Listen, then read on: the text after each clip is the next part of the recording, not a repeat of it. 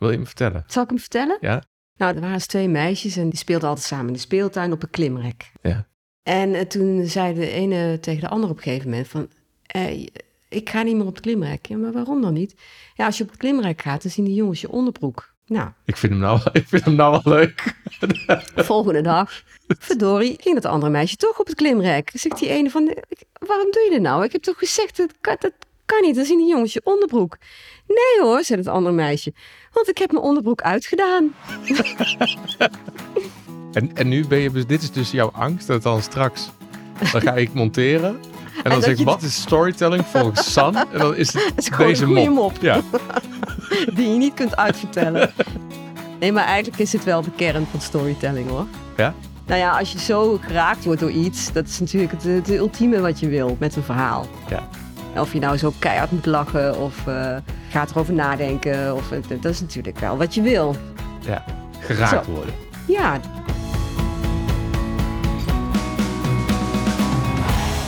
Hey, leuk dat je weer luistert naar een nieuwe aflevering van Tips voor je podcast. Met tips, tricks en interviews met ervaren podcasters. Deze aflevering gaat over moppen. Ja, oké, ook een beetje over storytelling. Storytelling in podcasts.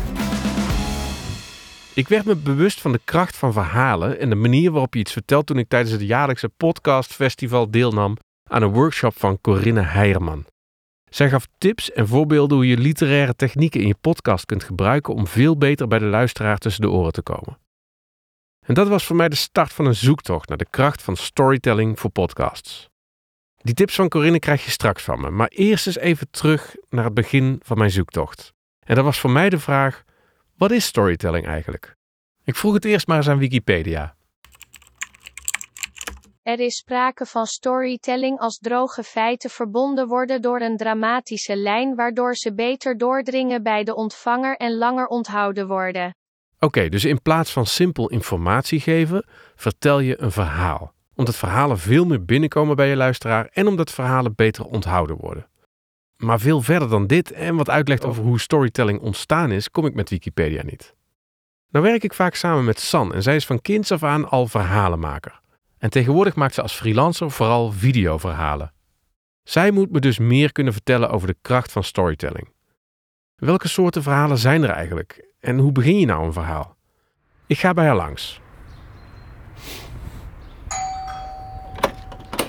Hey, Goedemorgen. goedemorgen. Kom erin. Yes. Hoe gaat het? Goed. Mooi. Eens even kijken. Hey San, wat is volgens jou nou storytelling? Storytelling brengt leven in, in wat je wil vertellen, Mhm. in, in je boodschap. Mhm. Als jij daarin meegaat, en dan ga je misschien wel heel anders denken. Je wil mensen veranderen of in beweging brengen Mhm. of meekrijgen. Zijn er ook verschillende type verhalen? Hè, ik- Als je kijkt naar Hollywoodfilms, dan is een beetje de, de bekendste voor mensen die zich verdiepen in storytelling is de heroic journey volgens mij. Mhm. De reis Ja, van de maar held. hoeveel, hoeveel varianten heb je? Hoeveel verhalen zijn er eigenlijk? Hoeveel basisverhalen? Ja, nou, ik heb wel eens gehoord, toen ik nog op de schrijversvakschool zat, er bestaat eigenlijk maar één verhaal. Eentje. De keukenmeidenroman. Ja. Nou goed, een, een klassiek verhaal heeft natuurlijk eh, eh, bepaalde elementen. Mhm. En die maken dat je, dat je erbij blijft. Ja. Hè, dus je hebt een, eh, je hebt een, een opening. Hè, waar Mhm. zijn we? Er was eens. En dan, dan eh, komt, gebeurt er iets, een conflict. Mhm. En een conflict hoeft echt niet altijd ruzie te zijn. Maar er is, een, er is iets wat een verandering teweeg brengt. En eh, daar ga je op acteren, daar, krijg, daar komt actie op, daar komen, dan komen ge- volgen gebeurtenissen zich op en dat gaat naar een hoogtepunt, een climax. En dan eh, gaat het weer eh, naar de afronding. Ja. En een, een, een, eh, een goed verhaal zorgt ervoor dat de hoofdpersoon in mijn, dat hij aan het einde, dat hij zeg maar onomkeerbaar is veranderd. Hij is veranderd in zijn karakter of in zijn, zijn leven is anders en het wordt ook nooit meer hetzelfde. Nee. Dan heb je echt een goed verhaal te pakken. Als je zegt van, beste podcastluisteraar, eh je wil met storytelling aan de slag. Want Ja. mensen zijn tot nu toe, hè, zijn dat voorbeeld van, ik zet een recorder aan en dan heb ik een leuk gesprek. En dat zet ik op Spotify, dat, zo doe ik het tot nu toe. Maar ze willen echt vanuit het verhaal vertrekken. Ja, Kun je eens een tip? Want het is tenslotte tips voor je podcast. tips voor je podcast. Nou ja, ehm, een hele simpele manier is altijd om met de vijf W's te beginnen bijvoorbeeld. Hè? Die ken ik nog uit mijn eh, PR-tijd. Dat Ja. ik persberichten schreef. Ja, Moest ik ook altijd met de nou vijf ja W's. be- beschouw je podcast eens een keer als een persbericht. Uh-huh. Hè, dus probeer op één A4'tje de hoofdpunten te zetten. En denk dan eens in eh, wie, wat, waar, wanneer en hoe. Ja. Dat zijn denk ik wel dingen die kunnen je echt heel concreet eh, helpen. Denk Dus ik. concrete tip, begin met de vijf. Oh, toch weer de bescheiden eh, storyteller hier. Hè, dus Ja, een heel goede, goede tip. recept niet. Een hele goede tip geven en vervolgens denk ik. Dat- Ja, maar dat komt ook, er bestaat geen recept voor. Nee, maar Maar dit lijkt mij wel een hele goeie. begin eens met de vijf W's. Nou, bij San ben ik al een stuk wijzer geworden. Ik weet nu wat een goed verhaal is en hoe je begint met het schrijven van een verhaal. Maar na ons gesprek vraag ik me af of dit in een zakelijke, commerciële context nou heel anders werkt. En daarom ga ik langs bij Vincent. Hij is freelance creatieve content coach, werkt als bedrijfsredacteur bij Vodafone Ziggo en schrijft regelmatig voor Frankwatching. Maar misschien wel het belangrijkste, zakelijke storytelling is één van zijn expertises. Ik rijd naar Utrecht om hem eens aan de tand te voelen.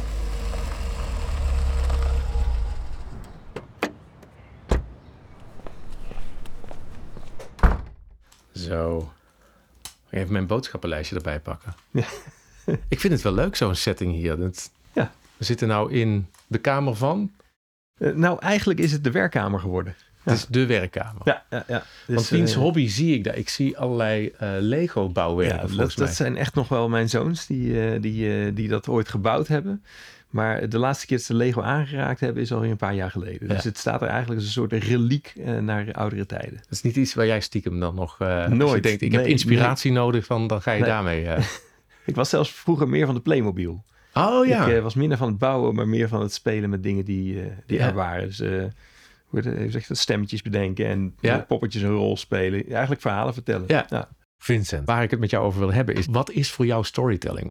Storytelling is voor mij eigenlijk het woord geven aan het voorbeeld. Wat ik daarmee bedoel is niet vertellen dat je iets goed doet of dat je ergens mee bezig bent, maar laten zien dat je ergens mee bezig bent. Mhm. Dus eh, show don't tell, dat is een beetje de, de klassieke eh, one-liner uit de, de storytelling hoek.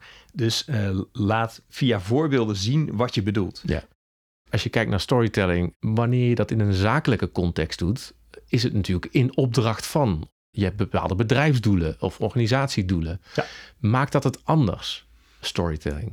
Ja en nee. Eh, eh, ja, omdat je natuurlijk. eh, d- er zijn grenzen aan wat je, wat je kan vertellen. Ja. Maar erg- ergens is het ook wel logisch, want het moet passen bij het doel. En als Ja. het doel is een goed gevoel geven over een bedrijf, ja, dan ga je natuurlijk bepaalde verhalen vertellen. Ja. Daar- En zijn, zijn die grenzen dan in de, in de inhoud of in de manier waarop je dat vertelt? Vooral de inhoud.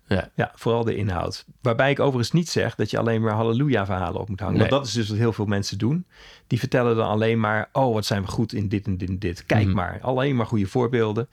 Ehm, terwijl ik het veel interessanter vind als jij eh, bijvoorbeeld heel goed luistert naar je klanten. En je Mhm. klanten hebben misschien klachten of hè, dingen die, die, die ze anders zouden willen zien. Ja. Je gaat met ze in gesprek, je verandert Ja. je beleid of je product of wat dan ook. Ja, ja. En uiteindelijk eh, lever je zelf een beter product en is de klant blij. Dan heb ik een rond verhaal. Wat maakt eh, zakelijke storytelling anders? Wat je daarin zegt is transparantie en, en authenticiteit dus ook. Hè? Dat je Ja. niet het verhaal te veel opgepolijst brengt, maar het echte verhaal ook Ja. dan nog vertelt. Ja, en als je mensen aan het woord laat, laat ze dan op hun manier aan het woord. Ga niet voorschrijven wat ze moeten zeggen, maar kijk gewoon wat er komt. Stel nou, je wilt als bedrijf, als organisatie echt met storytelling aan de slag in je zakelijke communicatie. Ja, ik zeg altijd maar, als je gaat communiceren heb je drie dingen nodig. Doel, doelgroep en boodschap. Mhm. En eh, liefst ook in die volgorde. Hoe, hoe, hoe begin je dan? Ik zou beginnen met eh, thema's uitkiezen waar je graag eh, iets over wil vertellen. Mhm. En zoek mensen uit die een mening hebben. Mhm. En die leuk kunnen, kunnen babbelen. En babbelen bedoel ik dan niet zo badinerend als het klinkt. Maar het is fijn om mensen te hebben die een verhaal goed kunnen brengen. Mhm. Of die bijvoorbeeld vol met voorbeelden zitten. Ja. Want eh, wat je niet wil is de ongemakkelijke stilte. Ja. Bijvoorbeeld. Of, of hè, dat, je, dat je merkt van... oeh, dit loopt niet. Of ik, ik moet heel hard werken om hier een lekker gesprek van te maken. Zet gewoon eh, de mensen in de podcast die daar eh, mee om kunnen gaan. Mhm. Tot slot, eh, ken je nog een leuke mop? Eh, ik moet even goed nadenken dat ik hem goed vertel. We hadden het over die Lego toen straks. Ik zit Ja. naar een piratenschip te kijken. Volgens mij Zeker. gaat het die kant op. Het gaat zeker die kant op. Ja, Ja. ja. Ja, Er komt een meisje naar een piraat toe en die vraagt aan de piraat: Beste piraat, hoe komt het toch dat jij een houten poot hebt? En de piraat die zegt: Nou, ik was op zee en er was een grote storm. En er was een ontzettende haai die op onze schuit sprong. En die, die, ja, die beet mijn been eraf. Dus pech voor mij. Een houten poot. Oké. Maar eh, vertel eens even, waarom heb jij een haak aan je hand? Ja, dat was ook een mooi verhaal, een schitterend verhaal. Er kwam een enorme octopus en ja, die, die, die beet mijn hand eraf. Oké, prachtig verhaal. Maar hoe kom je dan aan het ooglapje? Ja, toen zat er een vlieg in mijn oog en toen was ik vergeten dat ik een haak aan mijn hand had. Nou, dat is eh, de beste mop die ik ken in ieder geval. Eh, en zeker bij kinderen werkt die goed. Maar zover ook- kom ik. Maar het is ook storytelling, toch? Zeker, zeker, zeker. Want er zitten de elementen in. Het is, er zit een begin en een eind aan. En je wilt, want er komt steeds iets nieuws. Dus, nou, het gaat ergens, er zit een opbouw in. Je, je wilt weten waar het naartoe gaat. Klopt. Maar ook hoe je het vertelt. Dat is, Ja, ja, ja. ik, ik, luister heel vaak naar mensen die moppen tappen. eh, en die zijn dan aan het zoeken. Hoe moet ik het vertellen? En dan ga je, het, dan ga je ze helpen of zo met een lachje tussendoor al. Jij bedacht er van tevoren, dacht je er even over na. Ja, ik zat nu echt gewoon aan je, aan je... Ik hing aan je lippen. En ik had nog uren aan Vincents lippen kunnen hangen, maar ik moest weer op huis aan. En eigenlijk was mijn zoektocht naar storytelling ook ten einde. Ik leerde immers bij San wat storytelling is en hoe je begint met het maken van een goed verhaal. Vincent liet me zien dat zakelijke storytelling net wat anders is, omdat je natuurlijk bepaalde doelen wilt bereiken. Daardoor kun je niet alles vertellen, maar het is wel belangrijk authentieke verhalen te blijven vertellen door echte mensen met inspirerende voorbeelden. Maar voordat ik je gedag zeg, heb je nog iets van me te goed. De tips van Corinne Heijerman. Zij vertelde in een workshop tijdens het jaarlijkse podcastfestival over het gebruik van literaire technieken in je podcast. Maar misschien denk je nu, hoe de F is Corinne Heijerman? Dus Corinne, kun je je eerst even voorstellen? Hallo, ik ben Corinne Heerman. Ik heb woordkunst gestudeerd in Antwerpen. Woordkunst aan de Academie in Antwerpen dus. En vanuit die achtergrond schrijf je en maak je theater. Wat doe je nog meer? Ik maak ook podcasts, onder andere bij Radio Kras. Corinne, nu hebben we het in deze podcast veel over de inhoud van storytelling gehad. Maar jij kunt ons iets vertellen over de vorm waarin je je verhaal overbrengt op de luisteraar. Als je eh, gaat werken in, in, eh, in radio maken of in podcasts, zijn de technieken, de literaire technieken, voor mij heel handig. Literaire technieken dus. Welke technieken of vormen zijn er zoal? De eerste is eh, de monoloog, eh, waarbij je ofwel ja, zelf een verhaal kan, ver- kan verzinnen, schrijven en het inspreken, maar ook iemand kan interviewen op deze manier dat je jezelf niet opneemt, maar wel eh, de geïnterviewde en dan zo gaat knippen en plakken.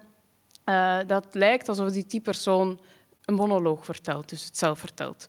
Soms moet je dan nog eens, eh, ja, als iemand bijvoorbeeld zegt, eh, wat heb je dan met je moeder gedaan? Ja, ik ben naar het park geweest.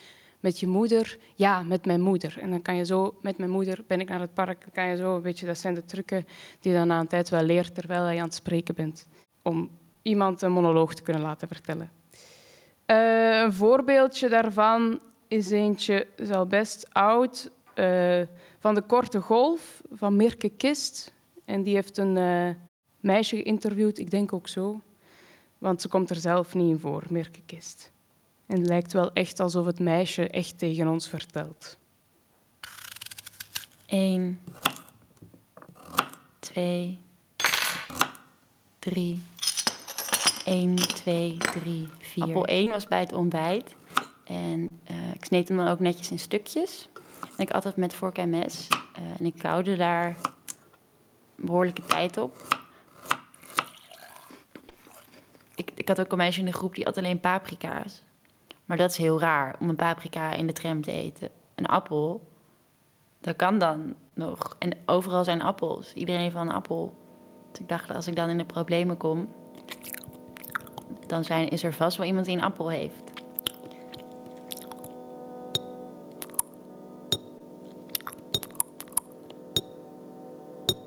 Ik was koud, chronisch, gewoon ijs en ijskoud.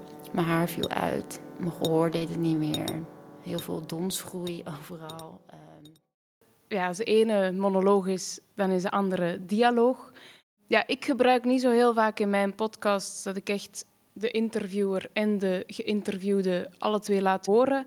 Behalve als het echt eh, ja, over het proces gaat of over ehm, iets wat toevallig gebeurt en wat grappig vind om te laten horen in het interview. Maar meestal laat ik vooral de geïnterviewde horen en gebruik ik dan mijn voice-over om, eh, ja, om een beetje context te, te scheppen. Of om, als ik vind dat de geïnterviewde iets niet zo heel goed heeft uitgelegd, het zelf even kort samen te vatten. Eh, de volgende techniek is eh, ja, de voice-over. En ik zei daarnet al, bij mij is dat vaak iets waar ik ook door ja, zelf het gesprek een beetje eh, een richting kan geven nadat ik het interview heb gedaan. Ehm, dus eerst stuurt de geïnterviewde jou en dan stuur jij die weer. Ik ga een stukje laten horen waarbij ik eh Hinke Klaver de Vries interviewde. Eh, die is 104. Ja, maar kan ik mezelf ook op FaceTime krijgen? Ja. Wanneer ik samen met mevrouw Klaver naar foto's kijk op haar tablet, ontdekken we dat ze ook met zichzelf kan facetimen. Dat ben ik zelf. Maar dat kan, ik- dat kan toch niet? Nee. heb ik nog nooit gedaan. Eens proberen, zegt ze. Dat is gek. Wat ook haar levensmotto is. Nee, ze neemt niet op. ik ben Henk Klaver de Vries. Ik woon al sinds eh 31 januari op Pepperode. Ik zeg altijd maar vier jaar. Vier jaar, zeg ze dan. Ze moet de hond erbij trekken. Iemand die 104 jaar oud is, is per definitie levenservaringsdeskundige. De volgende is het eh, muziekgebruik, wat ik ook heel erg belangrijk vind, of wat dat ook maakt dat iets dat je ergens, ja, iemand ergens in meeneemt. En ook daar geef ik een beetje een atypisch voorbeeld, want het is ook niet echt een podcast. Maar ja, ik vraag me dan af, wat is het dan wel? Ehm, het is eh, gedichten van Delphine Leconte, die eh, op muziek zijn gezet door Tom America. En ja, ik vind dat daar een heel leuk spel is tussen tekst, gesproken tekst en, eh, en muziek. Daar gaat mijn vriend. Hij is weer eens vrolijk. Hij struikelt over de verpakking van een tuinschaar. Hij valt op zijn goedige tronie. Zijn neus bloedt en hij lacht, want alles is hilarisch en niets is tragisch. En dan als laatste, eh, iets waar ik graag gebruik van maak, is het geluidsdecor. Dus als je over iets vertelt, dat er heel veel geluiden over elkaar komen en dat je iemand daardoor echt eh, meeneemt. Ik ga jullie mijn eerste experiment daarmee eh, laten horen. En dat was een, eh, een audiovoorstelling. Vorig jaar heb ik die gemaakt voor het Momentfestival in, in Tongeren. En mijn intro, daarbij heb ik dus die gebruik gemaakt van dat geluidsdecor.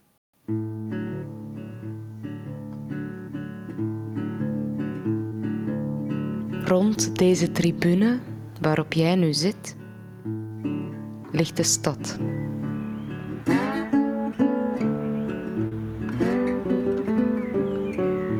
En rond de stad ligt het land.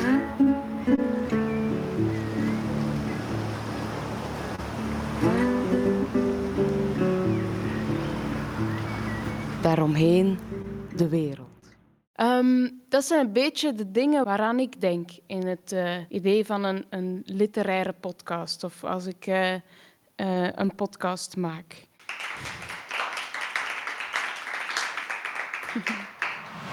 Leuk dat je weer luisterde naar deze tips voor je podcast. Ik hoop dat ik je een beetje heb kunnen inspireren om een volgende stap te zetten in hoe je jouw podcastluisteraars meer kunt boeien en binden door gebruik te maken van storytelling technieken. Zoals je van deze serie gewend bent, was dit een korte aflevering met praktische tips. Maar de hele gesprekken die ik met San en Vincent had, zijn wat mij betreft ook de moeite van het luisteren waard. Zo vertelt Sam bijvoorbeeld over de verschillen tussen plot en karaktergedreven verhalen en geeft Vincent een aantal voorbeelden van goede zakelijke storytelling. Wil je die gesprekken nou ook horen? Beluister dan de volgende afleveringen in deze podcastfeed. En anders zie, ehm, hoor ik je graag terug bij de volgende reguliere aflevering van Tips voor je podcast. En die gaat over podcast hosting. Ik spreek dan onder andere met Nico Oud, oprichter van de Nederlandse podcast hoster Springcast.fm. Graag tot een volgende aflevering.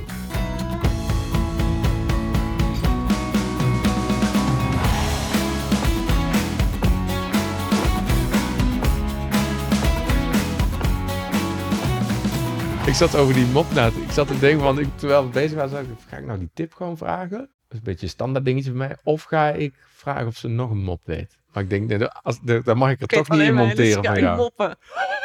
Ik, ik ken er altijd maar één.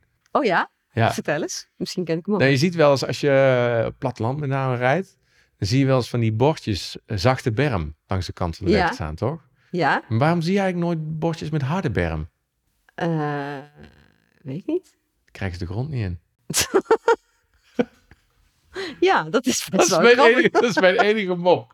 En iedereen vindt Terwijl hem het- super flauw. Het is maar, eigenlijk al- logisch. ja, en, maar iedereen vindt hem dus super flauw, maar Ja. moet er wel om lachen. Ja. Oh, Sam, dit is echt goud, dit stuk. nee, ik zal me inhouden. Ik zal me Nee, inhouden. dat mag hoor. Dat mag je best gebruiken.